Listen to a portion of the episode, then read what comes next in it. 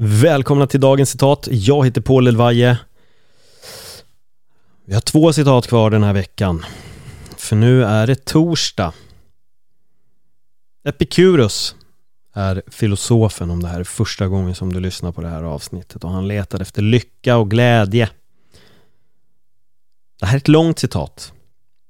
Det här är ett mycket längre citat än, vi har, än vad vi har haft tidigare. Så nu vill jag verkligen att ni gör er redo och lyssnar. Människor som tror på myter kommer alltid att frukta något fruktansvärt. Evigt straff som säker eller troligt. Människor baserar alla dessa rädslor inte på mogna åsikter utan i rationella fantasier. Att det störs mer av rädsla för det okända än av att inse fakta. Sinnesro ligger i att bli befriad från alla dessa rädslor. Vad tänker du när du hör de här orden? Jag vet att det är ett långt citat så vi tar det igen. Människor som tror på myter kommer alltid att frukta något fruktansvärt. Evigt straff som säker eller trolig. Människor baserar alla dessa rädslor inte på mogna åsikter utan i rationella fantasier. Att de störs mer av rädsla för det okända än att inse fakta. Sinnesro ligger i att bli befriad från alla dessa rädslor.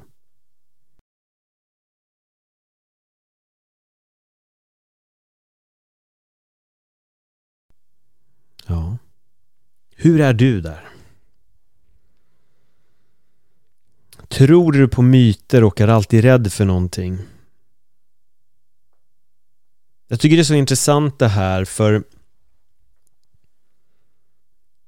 vi som mänsklighet har alltid trott att jorden är på väg att gå under.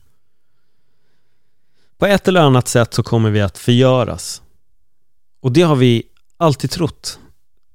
Backar man bandet rent historiskt så kan man se att människan har alltid trott att nu är domedagen. Tidigare har det kunnat varit i, i extremt religiösa, eller ur, inte extrema religiösa aspekter, utan ur religiösa aspekter. Syndafloden eller Jesus kommer komma. Tittar vi religiösa så ser vi det fortfarande än idag.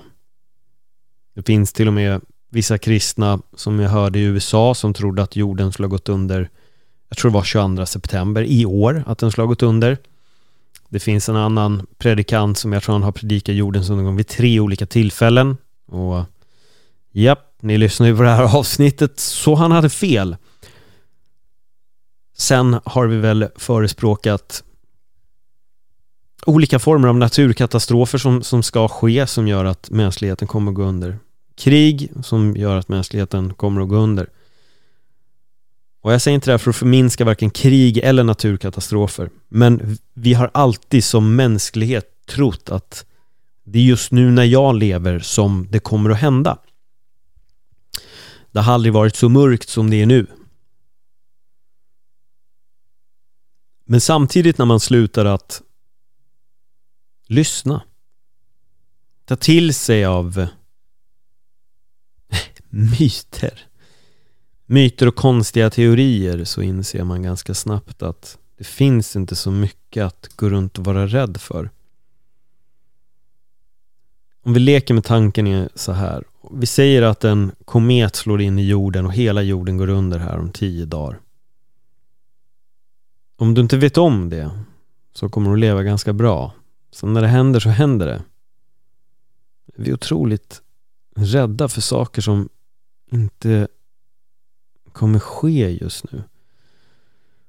Och återigen, tittar vi rent historiskt så kan vi verkligen se att vi har alltid trott att jorden kommer att gå under. Vi har alltid trott att det är nu, snart. Snart är det över. Allt det roliga är, är över. Män som tror på myter kommer alltid att frukta något fruktansvärt, evigt straff som säker eller troligt. Människor baserar alla rädslor inte på mogna åsikter utan på irrationella fantasier. Att de störs mer av rädsla för det okända än av att inse fakta. Sinnesro ligger i att bli befriad från alla dessa rädslor. Vi är väldigt rädda och vi gillar verkligen att skrämma upp oss själva, är det inte så? Vi gillar verkligen att skrämma upp oss själva. Vad tänker du om det här citatet? Skriv till mig på att dagens citat podcast på Instagram. Och kom ihåg att du är så fylld av potential så du har inte tid att gå runt och vara rädd. Så skapa sinnesro genom att bli befriad från alla dessa rädslor. Tack för att du lyssnade. Hej då.